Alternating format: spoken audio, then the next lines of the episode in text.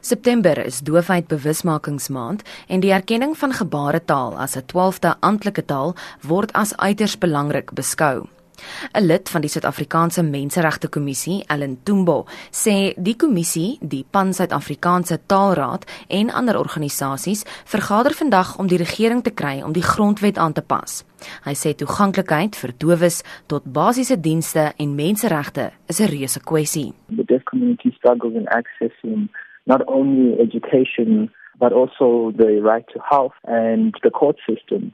When we talk about education, we're seeing that deaf people are only taught in sign language in special schools, although the South African Schools Act allows for the use of sign language in mainstream schools, and we want to deal with those barriers in mainstream schools.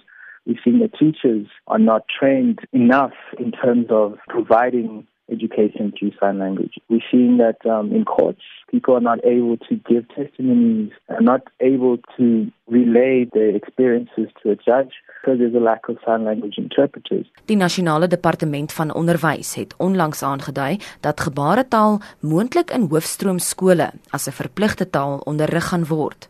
Tumbo meen ander sektore moet ook in ag geneem word. Though that's a wonderful step and will allow for people to access the right to education and be educated, you need to see a much bigger change from the side of government. 'n Tolk en horende kind van twee dowe ouers, Marshaan Neetling, verduidelik dat dinge in haar kinderlewe sou anders wees indien gebaretaal in skole aangebied is. As dit 'n taal was wat almal geken het destyds toe ek nog kind was op skool, dan sou my maatjies se ouers toegelaat het dat my maatjies ook by my kom kuier.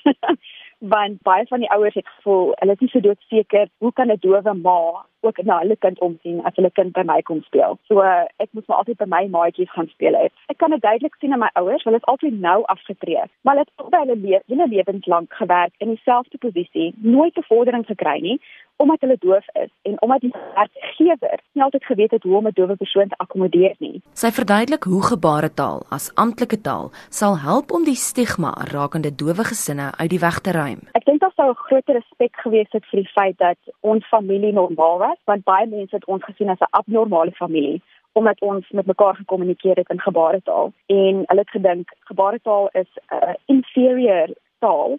Shame, die kinders is seker nou het nou seker 'n agterstand en eintlik het ons nie, ons het groot geword met twee tale op een klag wat alreeds bewys het vandag dat dit eintlik meer voordelig is vir 'n kind om meer tale groot te word van die begin af. Maar destyds het mense regtig ons geoordeel en wat hulle nie besef het nie is dat ons is nog steeds die horende kinders en ons hoor die horende volwassenes kommentaar lewer oor ons huisomstandighede.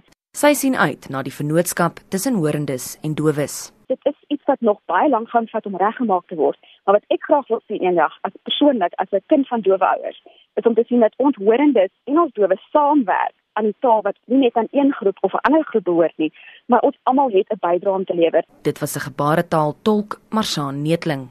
Ek is Joan Marie Verhoef vir SAK nuus.